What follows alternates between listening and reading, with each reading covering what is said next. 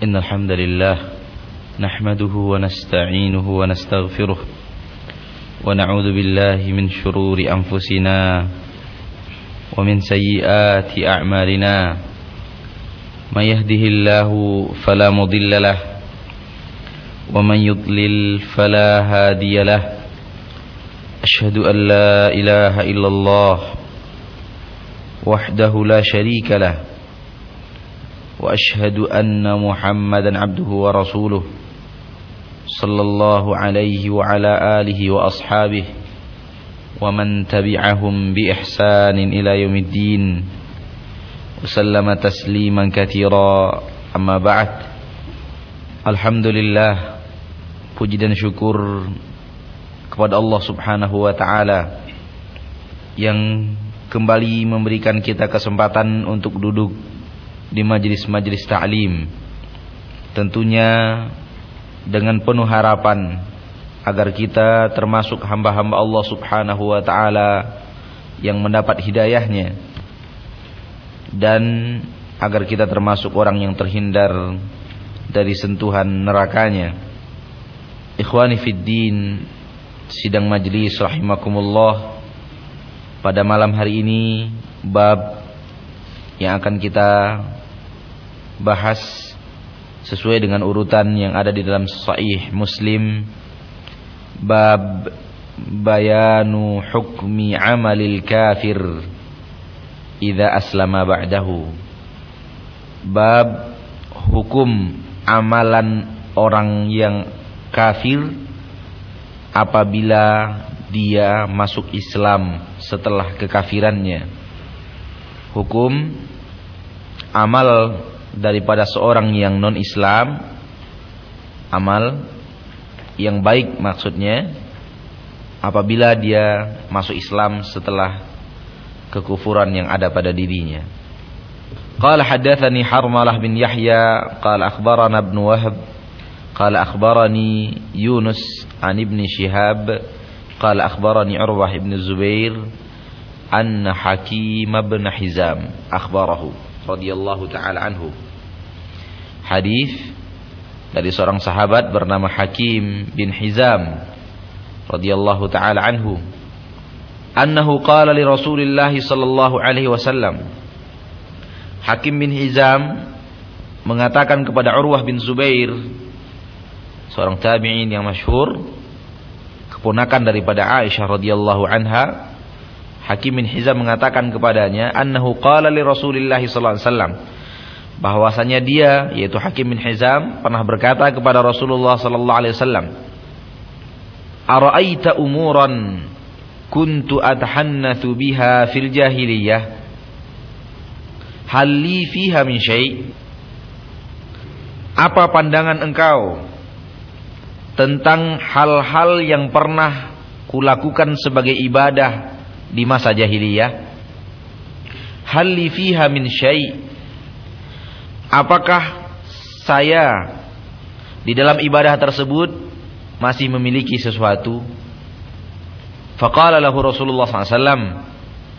Maka berkata kepadanya Rasulullah SAW. Rasulullah SAW berkata kepadanya, aslamta ala ma aslafta min khairin.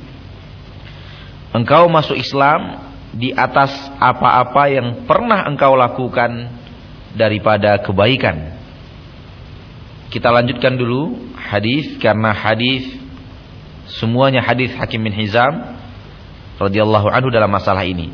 Di hadis berikutnya masih dari Hakim bin Hizam radhiyallahu taala anhu Ara'aita umuran kuntu atahannatu biha fil jahiliyah. Apa pandangan engkau wahai Rasul tentang masalah-masalah yang saya lakukan sebagai ibadah di masa jahiliyah? Min sadaqatin au ataqatin au silati rahmin. Daripada sedekah-sedekah memerdekakan memerdekakan budak yang pernah kulakukan atau silaturrahim, silaturrahmi. Afiha ajrun Apakah di dalam ibadah yang pernah saya lakukan itu masih ada pahala? Itu terjemahan daripada yang dimaksudkan dalam hadis yang pertama, hal fiha min syai', apakah dalam hal ibadah tersebut saya masih memiliki sesuatu? Artinya apakah saya masih mendapatkan pahala daripada amalan yang pernah saya lakukan tersebut? Jawaban Rasulullah SAW seperti hadis yang pertama tadi, aslamta ala ma aslafta min khairin. Ketika Rasulullah dalam riwayat berikutnya, ketika Rasulullah SAW mengatakan kepada Hakim bin Hizam radhiyallahu taala anhu, aslamta ala ma aslafta laka minal khair. Kamu masih Islam di atas apa-apa yang pernah engkau lakukan sebelumnya daripada kebaikan. Qultu. Saya berkata, kata Hakim bin Hizam, saya berkata, fawallahi maka demi Allah, la ada'u syai'an sana'tuhu fil jahiliyah. Saya tidak akan tinggalkan sesuatu yang pernah saya lakukan semasa jahiliyah illa fa'altu fil islami mithlah kecuali hal tersebut akan saya lakukan juga di dalam agama Islam ini persis seperti apa yang pernah saya lakukan di masa jahiliyah. Dalam riwayat berikutnya masih daripada Hakim bin Hizam tetapi ini riwayat berasal dari Urwah bin Zubair radhiyallahu taala anhu bercerita tentang Hakim bin Hizam radhiyallahu taala anhu. Kata Urwah bin Zubair, "Anna Hakim bin Hizam a'taqa fil jahiliyati mi'ata raqabah." Hakim bin Hizam pernah memerdekakan semasa jahiliyah 100 budak pernah memerdekakan semasa jahiliyahnya 100 budak. Wa hamala ala mi'ati ba'irin dan pernah dia menginfakkan kendaraan untuk berperang sebanyak 100 unta. 100 ekor unta pernah disedekahkan untuk perlengkapan perang.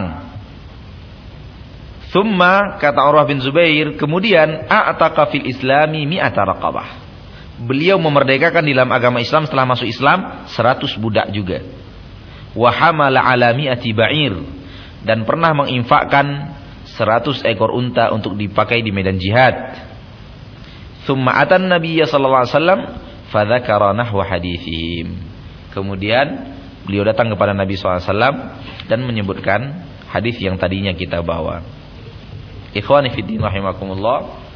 Ini dia topik pembahasan hadis kita pada malam hari ini tentang amal saleh yang pernah dilakukan oleh orang kafir sebelum dia masuk Islam, apakah dia masih mendapatkan pahalanya atau tidak. Suatu hukum yang sepakat seluruh para ulama bahwa amal saleh yang dilakukan oleh seorang yang non-Islam tidak akan diterima di sisi Allah Subhanahu wa taala karena dia kehilangan syarat. Syarat untuk sahnya ibadah adalah Islam. Dan setelah dia masuk Islam, baru ibadahnya dianggap sah di saat dia memenuhi dua syarat diterimanya amalan. Ikhlas dan mutaba'ah. Mengikut syariat Rasulullah sallallahu alaihi wasallam. Jadi Islam merupakan syarat sahnya sebuah amalan dan ikhlas mutabaah syarat untuk diterimanya di sisi Allah ibadah yang sudah sah. Ittifaq para ulama, amalan orang kafir non Islam sebesar apa pun, sesoleh apa pun tidak akan diterima karena kehilangan syarat sah sebuah amalan. Di dalam Al-Qur'an Allah Subhanahu wa taala berfirman, "Wa qadimna ila ma 'amilu min 'amalin faja'alnahu haba'am mansura. Kami perlihatkan apa saja yang pernah mereka amalkan. Orang-orang non-Islam amalkan nanti di akhirat lalu kami jadikan dia sebagai bagikan debu yang berterbangan. Tidak ada manfaatnya sama sekali di yaumil mahsyar kelak. Ketika diamalkan di atas kekufuran. Dan ini seperti yang saya katakan tadi, ittifaq, ittifaq para ulama. Tetapi khilaf timbul khilaf para ulama timbul apabila orang kafir ini tadi, non Islam ini tadi pindah ke dalam agama Islam. Berpindah ke dalam agama agama Islam. Apa yang pernah dia amalkan sebelum dia memeluk agama Islam, bagaimana hukumnya? Kalau yang tadi kalau dia tidak pernah masuk Islam, tidak akan pernah ada amalannya. Tidak ada makna daripada amalannya, sebaik apa pun dikikis oleh dosa syiriknya, dosa kufurnya. Sekarang permasalahan yang ada adalah amalan seseorang yang saleh terhitung amal saleh sesuai dengan kategori amal saleh dalam agama Islam tetapi dia lakukan di atas kekufuran setelah itu dia masuk Islam ini juga yang ditanyakan oleh Hakim bin Hisam kepada Rasulullah sallallahu alaihi wasallam ara'aita umuran kuntu atahannatu biha fil jahiliyah Bagaimana pendapat engkau wahai Rasul tentang amalan-amalan ibadah yang kulakukan. Tahannus artinya ta'abbud. Ibadah-ibadah yang pernah kulakukan fil jahiliyah, semasa aku jahiliyah. Semasa aku jahiliyah, aku pernah melakukan amal-amalan yang di dalam agama Islam dianggap sebagai ibadah. Hal fiha min syai? Apakah saya memiliki sesuatu daripada amalan saya tersebut? Apakah saya memiliki pahala sebagaimana ditafsirkan dalam riwayat yang lain? Apakah masih ada pahala untuk saya? Rasulullah berkata, "Aslam ta'ala ma aslafta min khairin." Kamu masuk Islam di atas apa yang pernah engkau lakukan sebelumnya daripada kebaikan. Ikhtilaf para ulama dalam mensyarah makna daripada hadis ini. Sebahagian para ulama termasuk Al-Qadhi Iyad dan Imam Al-Maziri, Abu Abdullah Al-Maziri menerangkan bahwa sudah merupakan kesepakatan para ulama bahwa amalan kafir tidak diterima di sisi Allah Subhanahu wa taala. Sirna. Oleh karena itu, hadis ini tidak boleh diterjemahkan secara zahir. Karena secara zahir hadis menunjukkan kepada kita bahwa amalan tersebut masih ada pahalanya, pahalanya yang Allah sediakan untuk orang yang sudah masuk Islam ini. Artinya Allah kembalikan pahala itu kepadanya. Zahir hadis seperti itu. Kamu masuk Islam di atas seluruh kebaikan yang pernah kau lakukan sebelumnya. Artinya kebaikan yang sebelumnya pernah kau lakukan ikut bersamamu masuk ke dalam agama Islam. Ini zahir hadis. Diterangkan oleh imam yang saya katakan namanya tadi Qadiyat dan Imam Al-Maziri, kaidah sepakat sudah para ulama mengatakan amalan orang kafir tidak akan diterima di sisi Allah Subhanahu wa taala. Mereka katakan oleh karena itu hadis ini tidak bisa dipahami secara zahir. Takwil atau syarah daripada hadis adalah sebagai berikut. Imam Maziri mengatakan mungkin bisa dikatakan dengan dua kemungkinan. Pertama, ditakwilkan maknanya. Pertama, iktasabta tiba'an jamilah wa anta tantafi'u bitilka tiba' fil Islam. Semasa jahiliyah engkau telah melakukan sifat-sifat yang baik, bagus dan itu akan sangat bermanfaat bagimu di saat kamu memeluk agama Islam. Sifat kamu baik semasa jahiliyah dan itu akan bermanfaat bagimu di saat kamu sudah memeluk agama Islam. Yang kedua, kamu telah melakukan tindakan yang membuat pujian yang sangat baik dari manusia dan itu akan tetap dikenang di dalam agama Islam. Yang tinggal bukan amalannya, tetapi pujian manusia terhadap tindakan amalan yang pernah dia lakukan. Dan Imam Qadi Iyad mengatakan makna hadis Bibarakati ma sabaqa laka min khairin hadakallahu ilal Islam.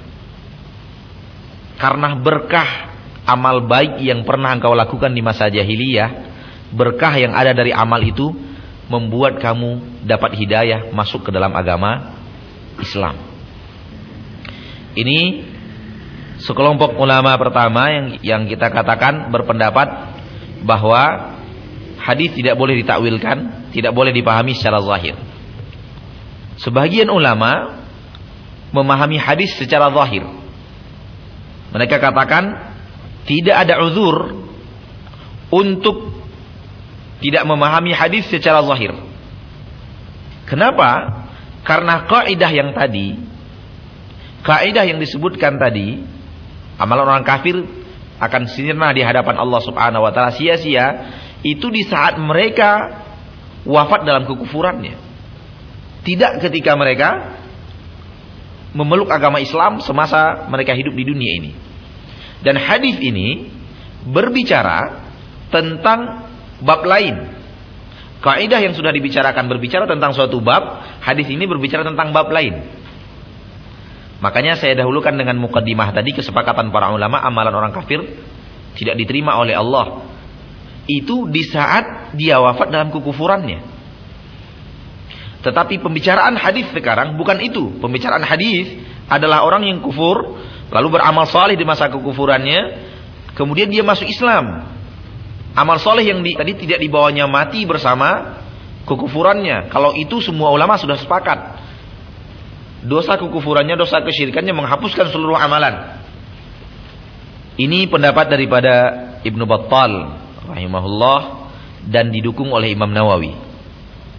Imam Nawawi lebih cenderung kepada pendapat yang kedua karena hadis ini berbicara di bab yang tidak dalam bab yang dibicarakan oleh imam-imam sebelumnya. Bahkan mereka berdalil dengan hadis Abu Sa'id Al-Khudri radhiyallahu taala anhu yang diriwayatkan dari Imam Malik dari sembilan jalan hadis yang maknanya adalah apabila orang kafir masuk Islam dan dia membaguskan Islamnya atau membenahi Islamnya dan serius dalam keislamannya Allah Subhanahu wa taala tetap akan tulis setiap kebaikan yang pernah dia lakukan dan Allah akan hapuskan seluruh kejahatan dan kejelekan serta maksiat yang pernah dia lakukan dan amalannya dihitung berlipat ganda 10 kali lipat atau sampai 700 kali lipat. Dan kejelekan yang dia lakukan setelah masuk Islam hanya berbalas dengan satu kejelekan yang sama, tidak dilipat gandakan dan bisa saja Allah Subhanahu wa taala mengampunkan dan memaafkannya sehingga dia tidak diadab dengan kejelekan tersebut. Ikhwan fillah rahimakumullah, Ibnu Battal mengatakan Walillahi ta'ala an yatafaddala ala ibadihi bima yasha' la'tirada li ahadin alaihi. Allah subhanahu wa ta'ala boleh saja memberikan fadilah kepada orang-orang yang dia kehendaki dan tidak ada seorang pun yang berhak untuk protes. Ketika Allah subhanahu wa ta'ala berkehendak untuk mengembalikan pahala-pahala yang pernah dilakukan oleh orang tadi, lillahi an yatafaddal. Allah berhak untuk memberikan fadilah, memberikan keutamaan kepada orang-orang yang ia inginkan. Seperti Hakim bin Hizam ini kata beliau radhiyallahu anhu yang pernah dia lakukan daripada kebaikan. Ikhwani fiddin rahimakumullah. Hakim bin Hizam itu satu-satunya sahabat yang mempunyai sejarah hidup yang tidak dimiliki oleh orang lain. Beliau lahir di dalam Ka'bah. Hakim bin Hizam. Enggak ada orang yang dikenal lahir dalam Ka'bah kecuali Hakim bin Hizam. Dan beliau hidup 60 tahun di dalam kekufuran, 60 tahun di dalam keislaman. 120 tahun beliau hidup. Setengahnya di jahiliyah dan setengahnya di dalam agama Islam. Dan dari riwayat-riwayat hadis yang kita bacakan tadi dijelaskan bahwa Hakim bin Hizam telah bersedekah, telah memerdekakan budak, bahkan sedekah yang beliau lakukan sangat luar biasa 100 ekor unta. Dan memerdekakan 100 orang budak. Menunjukkan bahwa beliau memang orang yang dermawan semasa jahiliyah dan semasa Islam. Dan juga faidah daripada hadis yang kita bacakan tadi di sini Hakim bin Hizam bersumpah. Sumpah yang telah beliau ucapkan, saya bersumpah untuk tidak meninggalkan amalan yang pernah saya lakukan di masa jahiliyah, kecuali saya akan lakukan juga di dalam agama Islam. Faedah yang kita dapatkan bahwa sumpah boleh diucapkan walaupun terhadap hal yang tidak menuntut kita untuk bersumpah. Ini sering kita ulang-ulang di dalam hadis-hadis yang berbunyi seperti ini. Tidak seperti sebagian pendapat orang sumpah tidak boleh diucapkan kecuali di dalam hal-hal yang darurat Hakim bin Hizam untuk menyatakan semangat beliau dan tekad beliau untuk melakukan tindakan-tindakan yang pernah beliau amalkan di jahiliyah akan diulang di masa beliau masuk Islam. Beliau menyatakan sumpahnya, pakai sumpah beliau di sini, fa wallahi demi Allah. Ini juga merupakan faedah hadis bahwa kita boleh bersumpah walaupun dalam hal yang tidak terlalu menuntut kita untuk bersumpah dengan nama Allah Subhanahu wa taala. Dalam masalah sumpah kita berikan sebuah keluar sedikit. Ibnu Mas'ud mengatakan La in ahlifa billahi kadhiban ahabbu ilayya min ahlifa bighairihi sadiqa.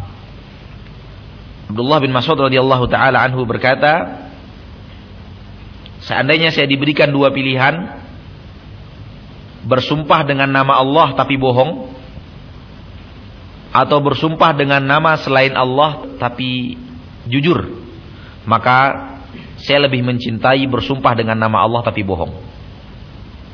Maksud kita mengatakan bahwa sumpah tidak boleh diucapkan dengan nama selain Allah Subhanahu wa taala. Hanya boleh diucapkan dengan nama Allah, sifat-sifatnya dan seluruh kata-kata yang menunjukkan tentang Allah. Wa Rabbil Ka'bah demi Rabb yang telah menciptakan Ka'bah yaitu Allah Subhanahu wa taala. Bersumpah demi yang telah menciptakan langit dan bumi. Itu juga adalah maksudnya adalah Allah. Kata-kata seperti ini yang boleh diucapkan. Bersumpah dengan selain nama Allah termasuk syirik. Bersumpah selain dengan nama Allah termasuk syirik. Dan ini mulai kita dengar sumpah-sumpah manusia dengan selain nama Allah. Kita ingatkan di sini bahwa Abdullah bin Mas'ud seandainya beliau diberikan pilihan bersumpah dengan nama Allah tapi berbohong itu maksiat. Tetapi bersumpah dengan selain nama Allah walaupun jujur itu kesyirikan, maka maksiat lebih enteng dibanding syirik. Kemudian kita memasuki bab berikutnya bab sidqul imani wa ikhlasuhu. Bab jujurnya keimanan dan ikhlasnya sebuah keimanan. Imam Muslim rahimahullah membawakan hadis dari Abdullah bin Mas'ud radhiyallahu taala anhu.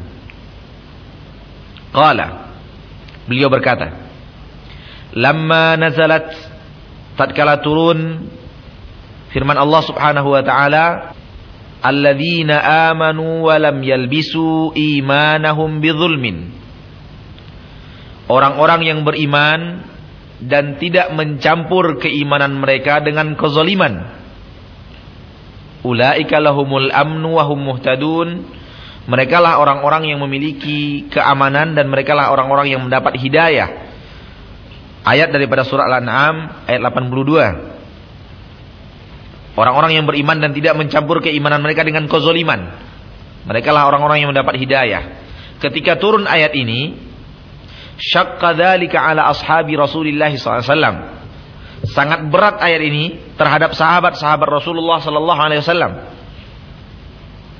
Ketika mendengarkan ayat ini turun, para sahabat merasa berat dengan ayat ini.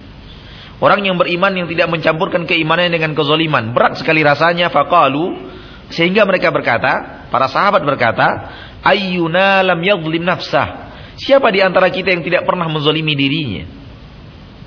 Faqala Rasulullah SAW berkata Rasulullah SAW, "Laisa huwa kama tadhunnun." Bukanlah dia sebagaimana yang kalian kira. Artinya, bukanlah maknanya seperti apa yang kalian prediksi. Innama huwa kama qala Luqmanu libnihi. Sesungguhnya dia maknanya adalah seperti yang telah pernah dikatakan oleh Luqman kepada anaknya. Ya bunayya la tusyrik billah inna syirka la zulmun azim. Wahai anakku, jangan engkau berbuat syirik kepada Allah Subhanahu wa taala. Sesungguhnya syirik itu adalah kezaliman yang sangat besar. Satu hadis ini dibawakan oleh Imam Muslim di dalam bab kejujuran iman dan keikhlasan iman. Lamma nazalat tatkala turun firman Allah Subhanahu wa taala. Ikhwan fiddin rahimakumullah. Ketika kita membaca Al-Qur'an, ketika kita membaca hadis-hadis Nabi sallallahu alaihi wasallam di situ dengan jelas diterangkan kepada kita Al-Qur'an itu turun. Semua keterangan, semua ayat, semua hadis menerangkan Al-Qur'an turun. Nazalat. Malaikat Jibril turun. Nazala bihir ruhul amin. Dengan Al-Qur'an itu turunlah Jibril. Anzala alaikum ayatin mubayyinat. Allah telah menurunkan kepada kalian ayat-ayat yang sangat jelas. Pertanda bahwa Al-Quran turun dari sisi Allah subhanahu wa ta'ala ke dunia. Turunnya ayat dikelompokkan dalam sebuah kelompok oleh Syekh Muhammad bin Salih al-Uthaymin sebagai sebuah argumen yang sangat besar dan sangat banyak di dalam Al-Quran dan hadis Nabi menunjukkan keberadaan Allah di atas langit. Allah menurunkan. Allah me menurunkan. Berarti Allah di atas. Karena Allah menurunkan. Allahul ladzi nazzala ahsanal hadis. Allah yang telah menurunkan. Dikelompokkan oleh Syekh Muhammad bin Shalih Al-Utsaimin dalam kitab akidah beliau. Beliau mengatakan saking banyaknya ayat Al-Qur'an yang menunjukkan bahwa posisi Allah itu di atas. Bukan di mana-mana. Di antaranya pengelompokannya ini. Bahwa Al-Quran diturunkan.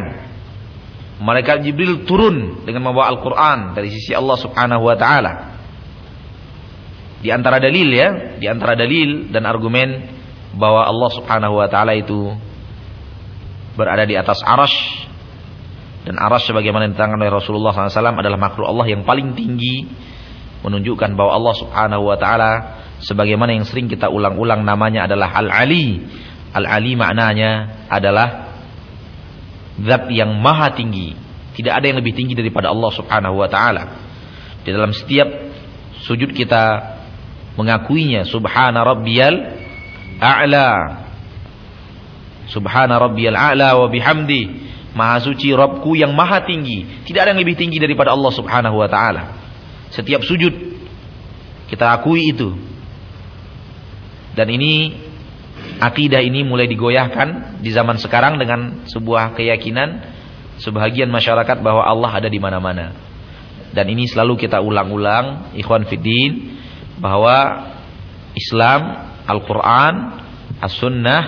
Tidak pernah mengajarkan kepada kita akidah ini. Al-Quran dan hadis Nabi SAW menanamkan kepada kita keyakinan bahwa Allah itu berada di atas arash dan arash itu adalah makhluk Allah yang paling tinggi. Keberadaan di atas langit yang ketujuh. Nabi Muhammad SAW ketika hendak bertemu dengan Allah dia dibawa naik oleh malaikat Jibril. Bukan dibawa berkeliling. Hati kita ketika hendak mengadu kepada Allah kita menengadah ke atas Tak pernah kita batin kita itu mencari Allah di bawah, di kanan dan di kiri, di depan dan di belakang. Dan setiap anak kecil yang fitrahnya masih lurus akan menyatakan Allah di atas. Panggil anak kecil yang belum belajar, yang baru pandai berbicara dan mungkin belum sadar siapa dirinya. Tanyakan kepada dia di mana Robmu, di mana Tuhanmu. Serta merta dia akan menjawab dengan fitrahnya yang masih lurus, yang belum terkotori, dia akan menjawab di atas, di langit.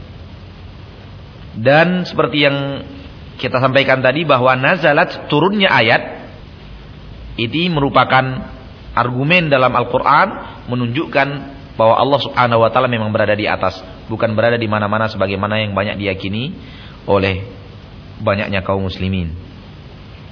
Ketika ayat turun, orang-orang yang beriman yang tidak mencampur keimanan mereka dengan kezaliman, mereka lah orang-orang yang mendapat hidayah dalam surah Al-An'am ayat 82 sahabat berat merasa mendapatkan atau ingin mengamalkan ayat ini. Artinya tidak ada jaminan hidayah terhadap orang yang beriman yang juga melakukan kezoliman. Para sahabat memahami zolim dengan makna yang umum. Para sahabat ketika itu, ketika turun ayat, memahami kezoliman dengan makna yang umum. Zolim adalah menempatkan sesuatu bukan pada tempatnya, itu zolim. Seharusnya disayang, malah tidak disayang itu kezaliman. Seharusnya ditunaikan amanah diberikan kepada yang berhak, tidak diberikan kepada yang berhak itu zalim, kezaliman. Kita seharusnya memberi, tidak kita beri kezaliman. Seharusnya kita menunaikan, tidak kita tunaikan. Kita tidak tempatkan dia pada tempatnya kezaliman. Karena makna zalim adalah makna zulm dalam bahasa Arab wad'u syai'in fi ghairi mawdi'ih, menempatkan sesuatu bukan pada tempatnya. Di saat kewajiban kita memberi, seperti yang saya katakan tadi, tidak kita berikan, maka kita berbuat zalim. Kita tidak tempatkan dia pada tempatnya, kita tidak lakukan dia sebagaimana mestinya. Maka seluruh maksiat itu adalah kezaliman. Seluruh maksiat adalah kezaliman. Nah, para sahabat memahami ayat ini pada awalnya mereka memahami kezaliman ini kezaliman yang umum. Artinya hidayah hanya didapatkan oleh orang-orang yang beriman dan tidak pernah berbuat dosa. Tidak pernah berbuat kesalahan. Sehingga para sahabat berkata, Ayuna lam yadhlim nafsah. Siapa di antara kita yang tidak pernah menzalimi dirinya? Semua kita pernah berbuat salah. Mata tidak boleh melihat yang haram. Ketika kita tempatkan pada tempat yang haram, kezaliman. Lisan tidak boleh mengucapkan, harus diucapkan kata-kata yang benar, kata-kata yang jujur. Ketika dia berdusta, kita sudah menempatkan lisan bukan pada posisinya. Kita telah melakukan kezaliman. Ayuna lam yadhlim nafsah. Siapa di antara kita yang tidak pernah menzalimi dirinya? Ini pemahaman para sahabat pertama tentang ayat ini. Di sini kita ambil faidah bahwa tidak ada manusia itu yang bersih dari dosa. Tidak ada manusia yang bersih dari dosa. Termasuk para sahabat mengakui bahwa tidak mereka tidak bersih daripada dosa. Para sahabat mengakui bahwa mereka tidak pernah bersih dari dari dosa. Persis sebagaimana yang disabdakan oleh Nabi Muhammad SAW, Kullu bani Adam khata.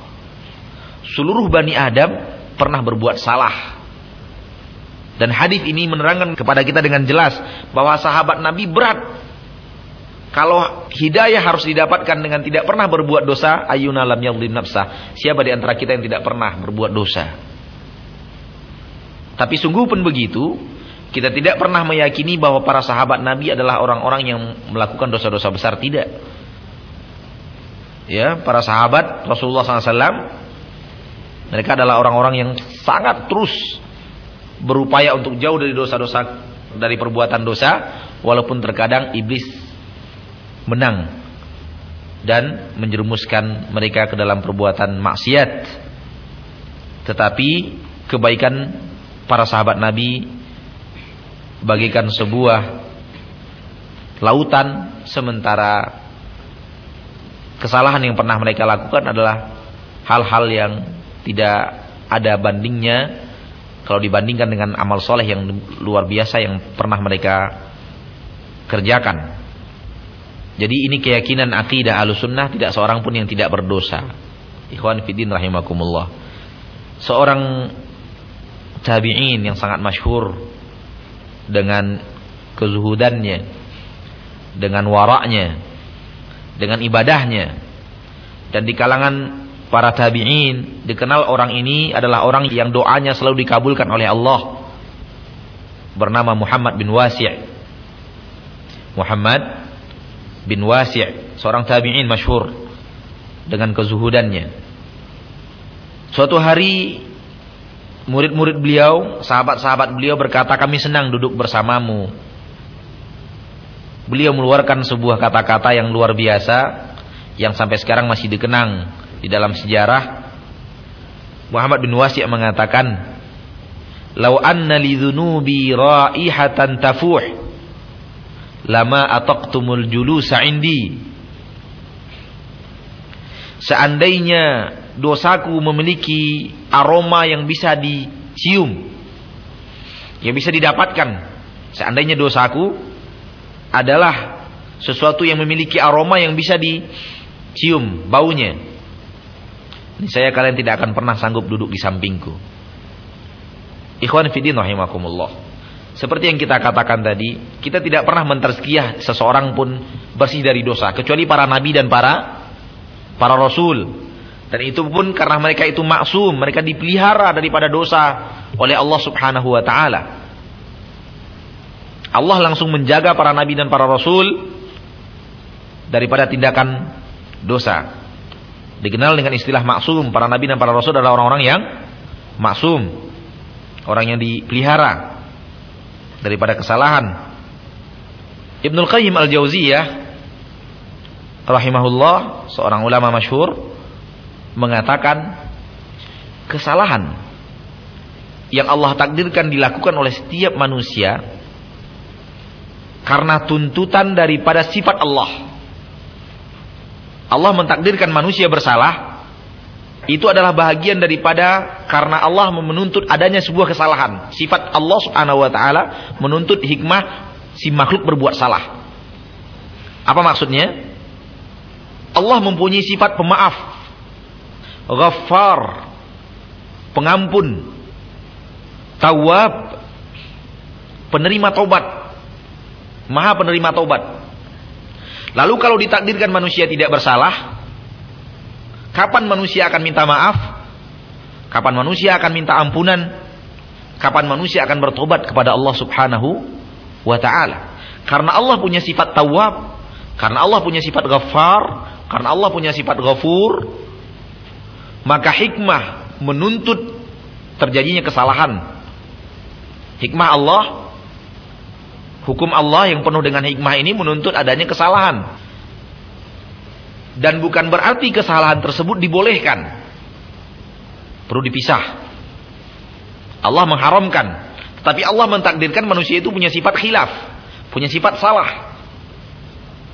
Sehingga dengan kesalahan tersebut kita akan merintih di hadapan Allah di dalam salat ketika kita mengenang kesalahan-kesalahan kita kita memohon dengan penuh kekhusyukan berharap ampunan dan rahmat dari Allah Subhanahu wa taala membebaskan kita mengampunkan kesalahan kita. Semakin kita ingat kesalahan semakin khusyuk kita beribadah. Ini yang sifat yang diinginkan oleh Allah Subhanahu wa taala. Di dalam sebuah ayat Allah Subhanahu wa taala terangkan di dalam Al-Qur'an surah Al-Ali Imran 133 kalau tidak salah sampai 135 di antara ciri-ciri orang yang beriman di antara ciri-ciri orang yang bertakwa adalah orang-orang yang apabila telah melakukan kesalahan dia ingat kepada Allah dan istighfar.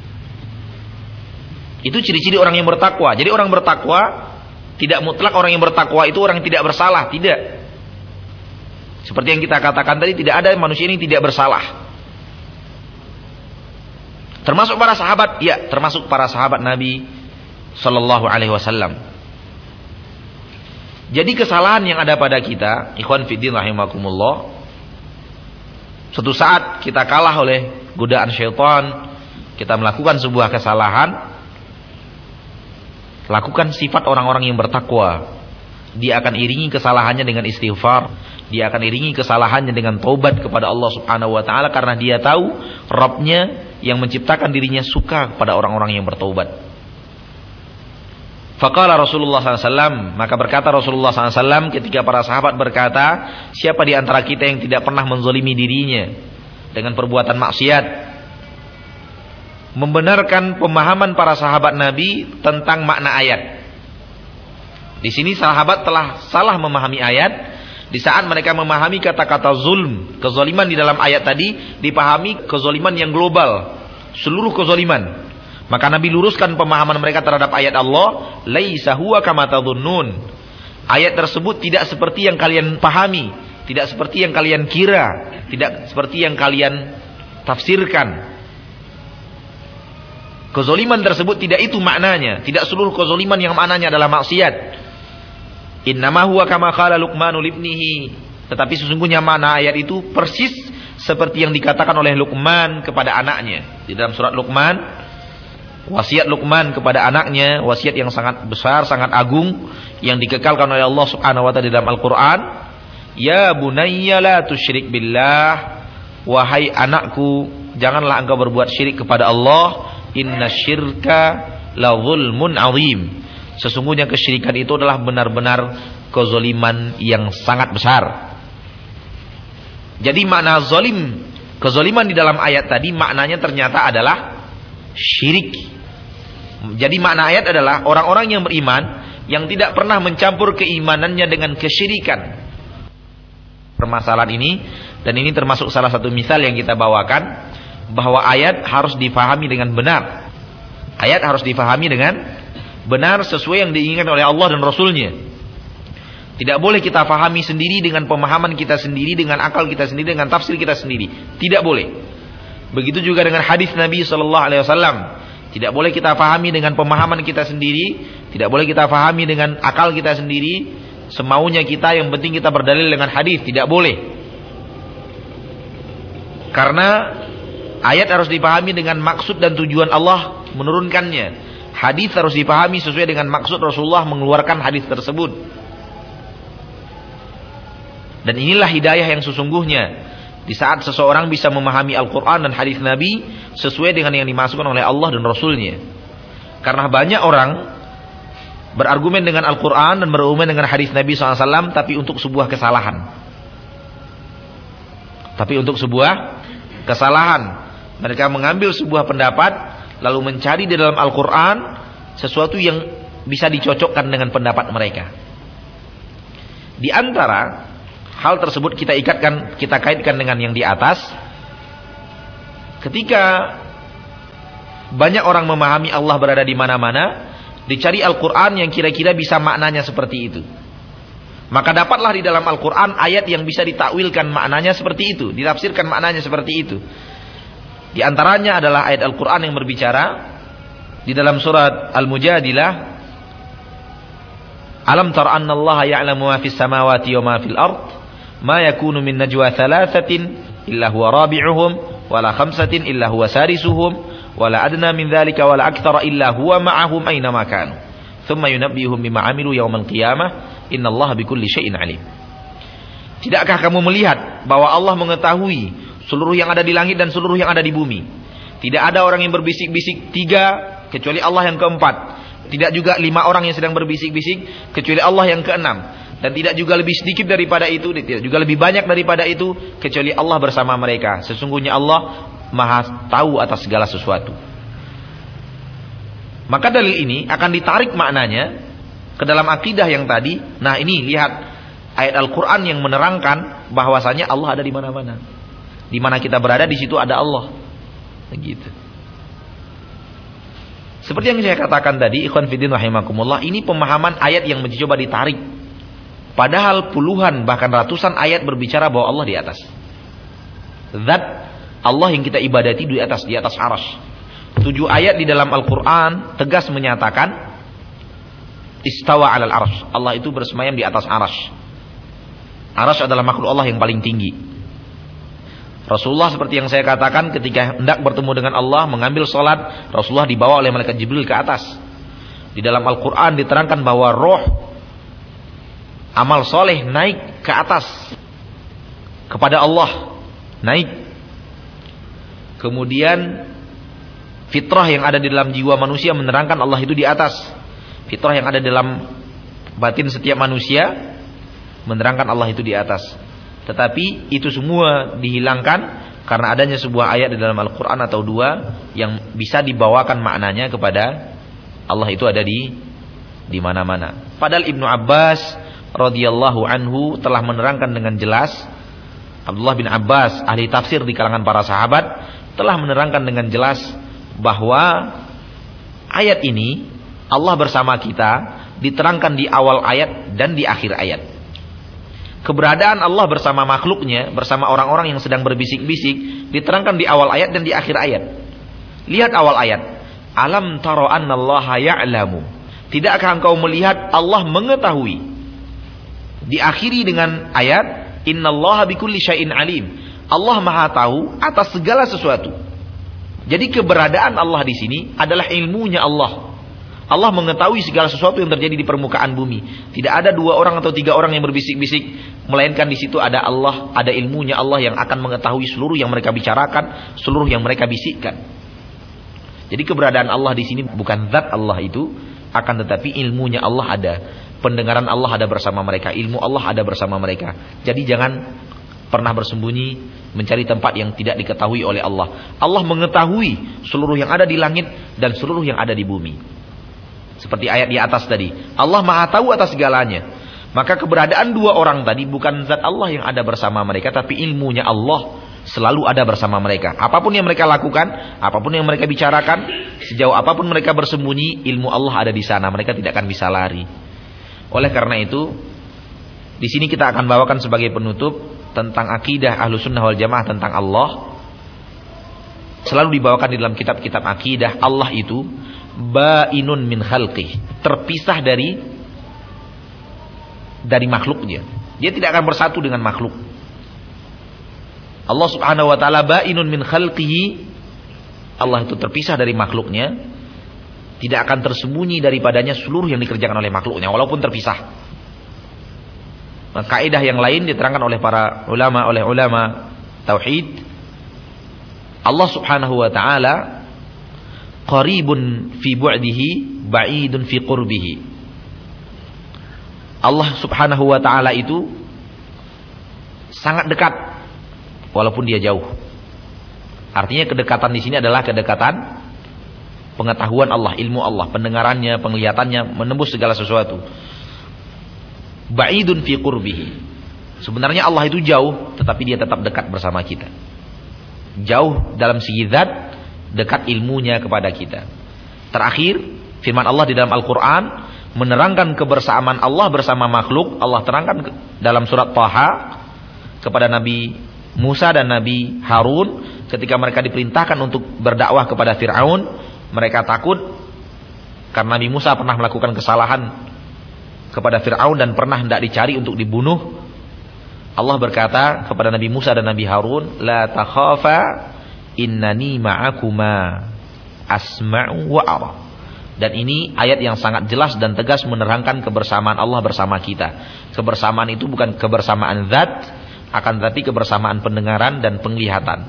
Allah berfirman di dalam surat Taha, Wahai Musa, wahai Harun, jangan kalian takut. Saya bersama kalian. Saya bersama kalian.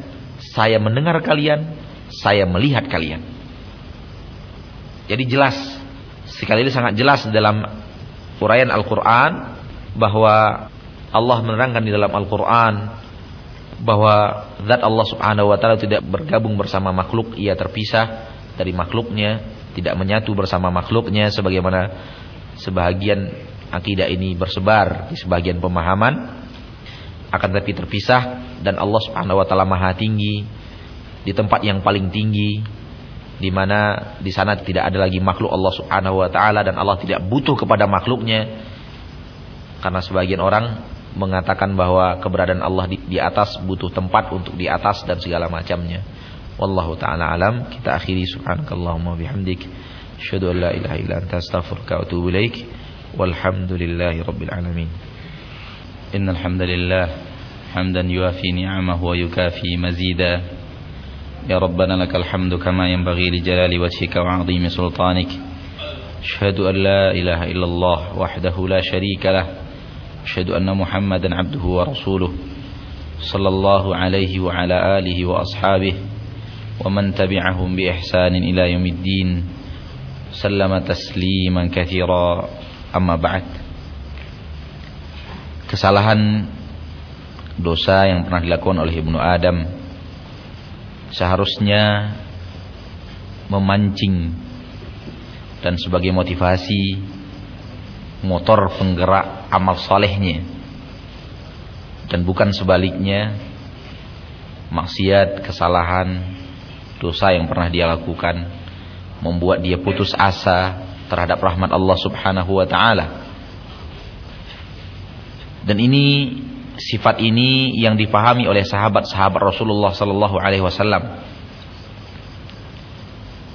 Di mana kesalahan yang mereka lakukan mereka jadikan sebagai pendorong utama amal saleh.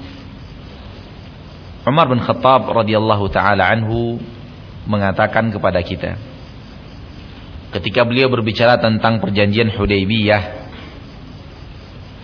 di mana Nabi menyetujui hal-hal yang secara zahir akan menyudutkan Islam dan kaum muslimin menyetujui peraturan-peraturan dan kehendak-kehendak orang musyrikin dalam hal ini diketuai oleh Suhail bin Amr yang secara zahir menyudutkan Rasulullah SAW. Ketika Nabi terima itu, Umar tidak setuju dan melakukan tindakan pertanyaan protes. Dan Umar berkata, "Wa syakaktu mundu aslamtu illa yauma idzin."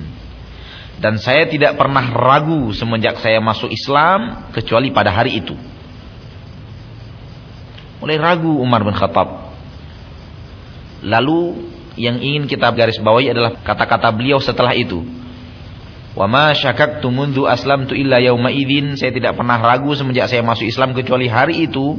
Wa amiltu lidzalika a'mala. Lalu saya banyak beramal karena hal yang demikian itu. Karena saya pernah ragu di masa di zaman Hudaybiyah, di peperangan Hudaybiyah, maka saya rajin beramal karena saya pernah ragu pada hari itu. Ini yang kita katakan tadi bahwa seharusnya sifat yang dimiliki oleh seorang yang mukmin, kesalahan yang terjadi tidak membuat dia bersedih, tetapi malah kesalahan itu dia jadikan sebagai motor penggerak semangat ibadah. Ikhwan fiddin rahimahukumullah. Ulama selalu menasihatkan kepada kita, andai kita melakukan sebuah kesalahan dalam sebuah topik maksiat, maka perbanyak amal ibadah di dalam topik tersebut. Contoh, kita mungkin pernah membelanjakan harta kita di tempat yang haram. Maka jalan untuk menghapusnya adalah belanjakan banyakkan belanja harta, infakkan harta di tempat-tempat yang Allah ridhoi, infak, sedekah dan yang lainnya. Kita merasa mungkin pernah terjerat kepada sebuah kesalahan mengkonsumsi satu yang haram, maka atau mengambil rezeki dari satu yang haram, maka infakkan yang harus kita lakukan itu adalah harta juga yang kita keluarkan. Begitu. Seandainya lisan kita merasa kita pernah merasa atau pernah berbuat maksiat, lisan kita sebelum kita istiqamah iltizam dalam sunnah Rasulullah SAW sering menyakiti orang, perbanyak amal ibadah dalam lisan, membaca Al-Quran, jujur, menasehati dan yang lainnya. Seperti itu dilawan sebuah amal yang tidak baik dengan amalan baik melalui nikmat yang Allah berikan kepada kita. Itu di antara nasihat para ulama. Jadi Sesungguhnya seperti yang saya katakan tadi bahwa Allah Subhanahu wa taala hikmah menciptakan manusia itu bersalah karena ingin Allah itu ingin hambanya bertaubat, Allah itu ingin hambanya memohon ampunan, memohon anugerah Allah, merintih di hadapan Allah, tadarru'. Tadarru' itu betul-betul merintih di hadapan Allah dengan penuh penghinaan diri kepada Allah Subhanahu wa taala. Allah suka orang-orang mutadarri'in. Allah suka orang-orang yang tadarru' yang selalu memelas kasih sayang Allah Subhanahu wa taala dan ini ditakdirkannya terjadinya kesalahan untuk hal yang demikian seperti yang telah diterangkan oleh Syekh Ibnu Qayyim Al-Jauziyah rahimahullah. Tetapi yang tidak boleh itu adalah sifat yang telah dipertontonkan oleh syaitan setelah dia bersalah dia malah sombong dalam kesalahannya dan larut di dalam kesalahan tersebut. Itu kesalahan syaitan iblis laknatullahi alaih. Ketika dia telah salah tidak mau sujud kepada Nabi Adam lalu sombong tidak mau tobat daripada kesalahan. Malah dia ingin menyeret orang salah seperti dia telah berbuat salah. Ikhwan fillah rahimakumullah sementara Nabi Adam terpuji di hadapan Allah ketika beliau melakukan kesalahan. Beliau melakukan kesalahan memakan buah di sorga beliau bertobat kepada Allah Subhanahu wa taala dan istighfar minta ampunan Allah Subhanahu wa taala. Cerita ini sering dijadikan sebagai contoh perbandingan orang-orang yang berbuat salah dan larut di dalam kesalahannya dan itulah iblis. Kemudian orang yang bersalah kemudian dia iringi kesalahannya dengan istighfar, mohon ampunan kepada Allah dan bertobat kepadanya. Contohnya adalah Nabi Adam alaihi salam. Ikhwan fillah rahimakumullah. Demikian sekedar mukadimah dan kita persilakan bagi ikhwan yang memiliki pertanyaan. Di dalam sebuah hadis yang sahih diriwayatkan kalau sudah datang sepertiga malam terakhir Allah turun ke langit dunia. Allah turun ke langit yang paling langit pertama. Ini juga hadis seperti yang kita katakan tadi di antara argumen-argumen dari sunnah Rasulullah yang menerangkan Allah itu di atas. Ketika sudah datang sepertiga malam terakhir, Allah turun ke langit dunia. Allah turun ke langit ke langit dunia. Awalnya Allah itu di atas, di atas langit yang ketujuh, di atas arasnya. Di sepertiga malam terakhir Allah turun ke langit dunia sehingga ia lebih dekat kepada makhluknya. Pada saat itu Allah akan berkata, "Man dzalladzi yad'uni fa astajibalah wa man yastaghfiruni Siapa orang yang akan berdoa kepadaku, saya akan kabulkan. Dan siapa orang mohon ampunanku, aku akan ampunkan. Dan ini berlanjut sampai habis sepertiga malam terakhir dan itu setiap malam kata Rasulullah SAW. Akidah yang harus kita yakini juga bahwa sesuai dengan yang disampaikan oleh Rasulullah, setiap datang sepertiga malam bagian terakhir, sepertiga malam terakhir, Allah turun ke langit dunia. Bagaimana turunnya Allah? Itu kita tidak pernah tahu. Yang jelas Nabi memberikan berita kepada kita, memberikan kabar tentang Allah itu akan turun di sepertiga malam terakhir mendekat kepada makhluknya dan yang turun itu adalah zat Allah subhanahu wa ta'ala Oleh karena itu ulama sering menasihatkan perbanyaklah sholat sepertiga malam terakhir karena pada saat itu kamu lebih dekat kepada Allah Subhanahu wa taala. Allah taala. Kita katakan bahwa dalil yang dibacakan tadi bukan merupakan dalil bahwa zat Allah itu ada di mana-mana. Akan tetapi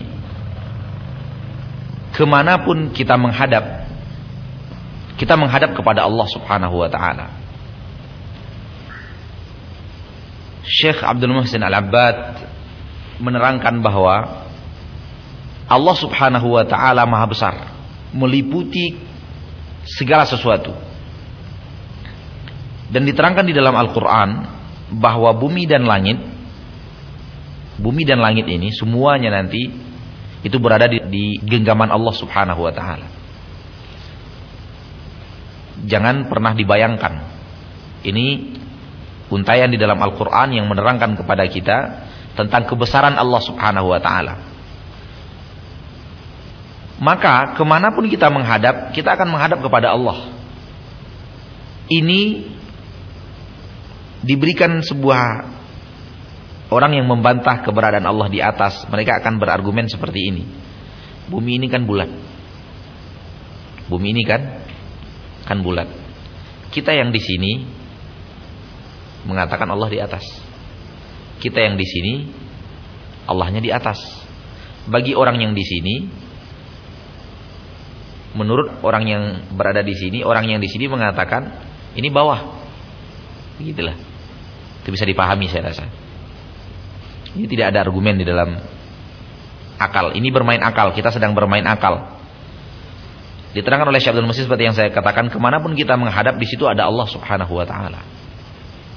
Kamu akan menghadap kepada Allah Subhanahu Wa Taala. Satu. Yang kedua, ayat yang dibacakan tadi, Aina matuallu fatamma wajhullah, berbicara tentang kiblat. Berbicara tentang kiblat.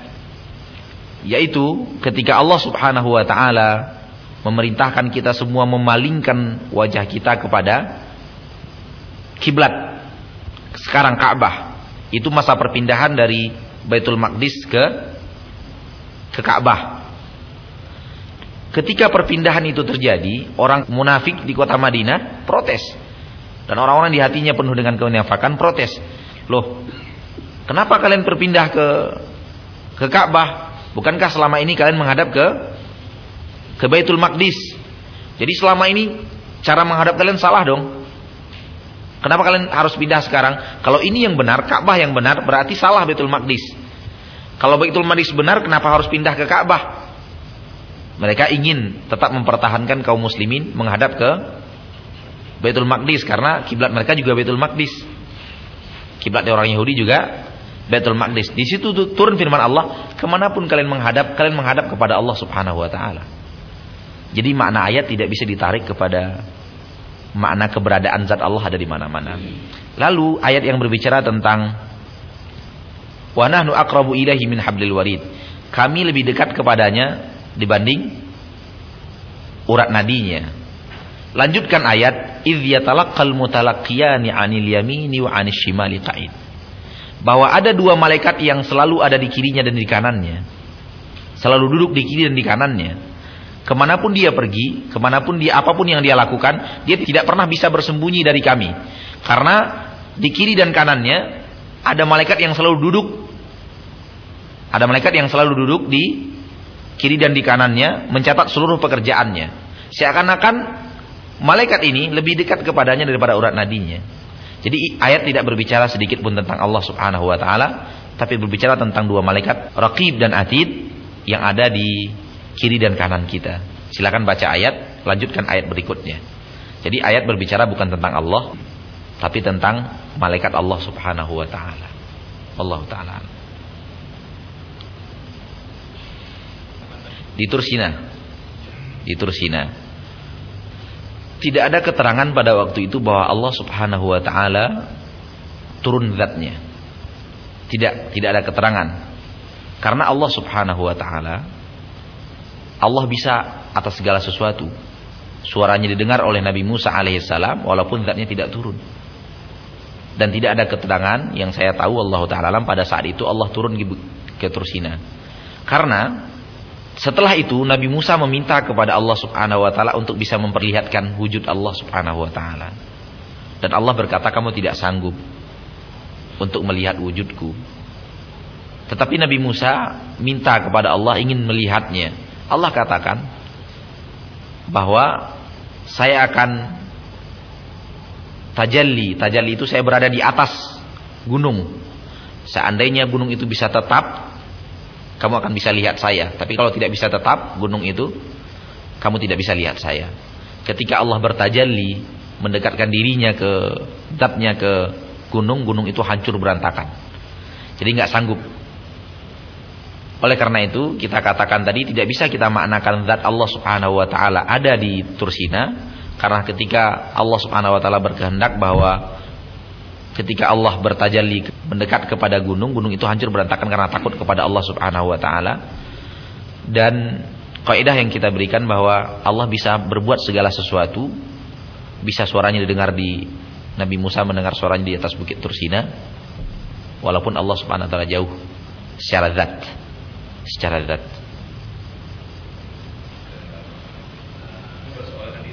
Tidak, tetap tidak berkurang. Tidak berkurang sama sekali. Bahkan ketika di di akhir dia betul-betul lebih serius lagi, dia bisa lebih baik daripada Sam yang pertama. Kalau betul-betul dia lebih serius, lebih semangat, lebih berjibaku di dalam mengamalkan agamanya, berada di atas Al-Quran dan Sunnah Nabi SAW, dia bisa lebih bagus daripada Islam yang pertama. Bisa.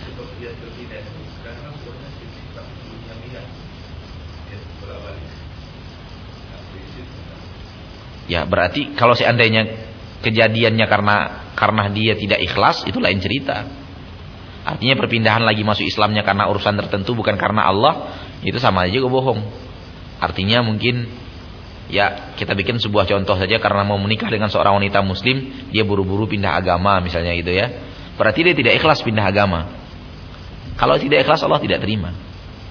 Tapi pembicaraan kita terhadap orang-orang yang ikhlas begitu jadi seorang muslim tertipu oleh tipuan syaitan pindah ke agama selain agama Islam lalu dia kembali sadar dan kembali masuk Islam itu insya Allah tidak ada bedanya tapi karena mas kalau masuk Islamnya karena urusan tertentu hmm. hmm. Iya. Hmm. Muslimah Nah, di sini di sini Allah akan menilai apakah dia serius masuk agama Islam atau dia masuk Islam karena ingin menikahi wanita ini saja. Ya, niatnya kita tidak pernah nampak. Yang nampak sama kita seperti itu tapi niatnya kita tidak pernah nampak. Boleh jadi wanita ini kembali mengingatkan dia ke dalam agamanya yang semula, yang dia yakini kebenarannya. Itu niat kita tidak bisa tidak bisa tebak. Oleh karena itu kita kembalikan kepada Allah dan kita katakan hukum secara umum, kalau dia ikhlas dalam keikhlasan keislamannya tidak ada beda. Tapi kalau dia tidak ikhlas hanya karena keinginan sebuah sebuah keinginan duniawi dan prediksi saya benar tadi karena seorang wanita dia akhirnya dia masuk Islam berarti dia tidak ikhlas masuk Islam. Kalau dia tidak ikhlas masuk Islam, Allah tidak akan terima keislamannya. Sebagaimana Allah tidak terima hijrah orang yang berhijrah karena mengharapkan dunia, mengharapkan wanita, Allah tidak terima hijrahnya. Karena tidak ikhlas karena Allah. Tapi kalau dia ikhlas karena Allah, insya Allah. Dan berapa banyak para sahabat Nabi Shallallahu Alaihi Wasallam ketika Rasulullah wafat kembali kepada ajaran semula, kembali kepada ajaran semula, kemudian dibasmi kemurtatan itu oleh Abu Bakar radhiyallahu anhu dengan para sahabat. Kembali mereka masuk Islam. Kembali kepada ajaran Rasulullah SAW yang yang hak dan tidak satu pun keterangan dari para ulama kita katakan satu sahabat mereka hilang. Tidak. Ulama mengatakan barang siapa yang pernah berjumpa dengan, dengan Nabi beriman, kemudian wafat dalam keimanan itu, walaupun takhallalaha irtidad, walaupun di tengah-tengah ini terjadi ke kemurtatan, tetap mereka berstatus sebagai seorang sahabat. Salah satu contohnya seperti itu. Ketika Nabi hidup, dia masuk Islam, beriman dengan Nabi Muhammad SAW Rasulullah wafat masuk ke dalam gelombang kemurtatan kemudian kembali ke jalan agama yang lurus tetap berstatus sebagai seorang sahabat Nabi Shallallahu Alaihi Wasallam. Jadi tidak mengurangi sama sekali. Nah, lalu kasus yang diceritakan tadi kita kembalikan kepada Allah Subhanahu wa taala. Memang zahir kita lihat seperti itu, tapi kita tidak pernah tahu niatnya. Allahu a'lam.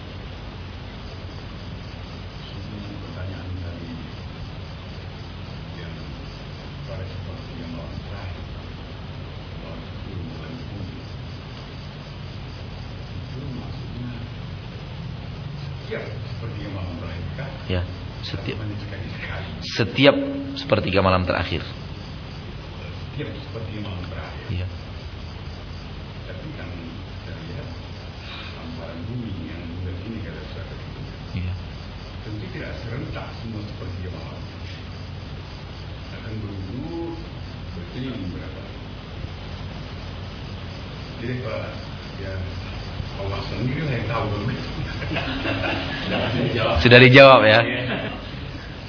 Karena sepertiga malam terakhir sekarang di hamparan kita ini Iya. belum terjadi sepertiga malam di sebelah India. Itulah kita katakan hal-hal yang gaib. Hal-hal yang gaib yang kayaknya bertentangan dengan akal kita. Tidak boleh kita tolak karena bertentangan dengan akal kita. Itu dia. Itu akidah kita. Nabi sudah menyampaikan seperti itu. Lalu kita mau bantah dengan akal kita, berarti kita mengedepankan akal di atas keterangan dari Rasulullah wasallam dan itu tidak boleh terjadi. Bagaimana kejadiannya, bagaimana prosesnya, Allahu a'lam bishawab. Allah juga kita tidak tahu bagaimana dia. Seperti itu. Dan bagaimana proses turunnya kita juga tidak tahu. Ya, jadi kita kembalikan kepada Allah. Allah pasti mengaturnya dan Rasulullah pasti tidak akan pernah berbohong memberikan kita cerita. Nah, bagaimana ini turun di sini, bagaimana turun di sana, bagaimana turun di sana, bagaimana? Jangan dibahas. Jangan dibahas bagaimananya. Jangan dibahas bagaimananya. Karena kalau dibahas bagaimananya kita bisa gila. Betul. Kita akan bisa gila, nggak kita nggak bisa terima bagaimananya. Oleh karena itu di dalam akidah kata-kata bagaimana tentang Allah selalu harus dinafikan, nggak boleh, jangan ditanyakan bagaimana Allah. Bagaimana? Kata-kata bagaimana jangan. Imam Malik ketika di sebuah majelis ditanya oleh muridnya, bagaimana sih Allah bersemayam di atas aras itu bagaimana? Dia yakin bahwa Allah bersemayam di atas aras. Tapi kaifal istiwa? Bagaimana caranya Allah itu bersemayam? Jadi ditanya bagaimana keberadaan Allah di atas aras itu seperti apa? Imam Malik tertegun, terdiam, badannya menggigil, keringatnya berjatuhan. Terdiam beberapa saat, lalu beliau angkat kepalanya dan berkata, Al-istiwa'u ma'lum. Keberadaan Allah di atas aras suatu hal yang sudah diketahui. Wal kaifu majhul. Dan bagaimana proses kejadiannya, seperti apa gambarannya, majhul, tidak ada yang tahu. Wal imanu bihi wajib. Beriman tentang Allah bersemayam di atas aras suatu hal yang wajib. Wasu'alu anhu bid'ah. Bertanya bagaimana bersemayamnya Allah adalah perbuatan bid'ah. Begitu jawaban Imam Malik. Kemudian beliau katakan, "Wa ma araka illa sahibah hawa." Dan saya melihat engkau adalah orang yang mengikuti hawa nafsu.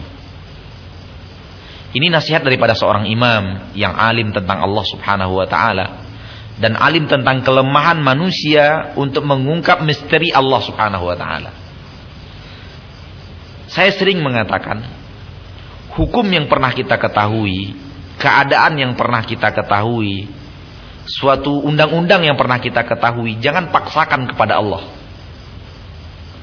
Karena hukum yang kita ketahui, undang-undang yang kita ketahui, ilmu yang kita ketahui, sebatas pengetahuan kita. Dan sebatas kelemahan kita. Sebatas kedoifan manusia yang ilmunya sangat-sangat terbatas. Wallahu ta'ala alam. Kita akhiri subhanakallahumma bihamdik. Asyhadu an la ilaha illa anta astaghfiruka wa atubu ilaik. Walhamdulillahi rabbil alamin.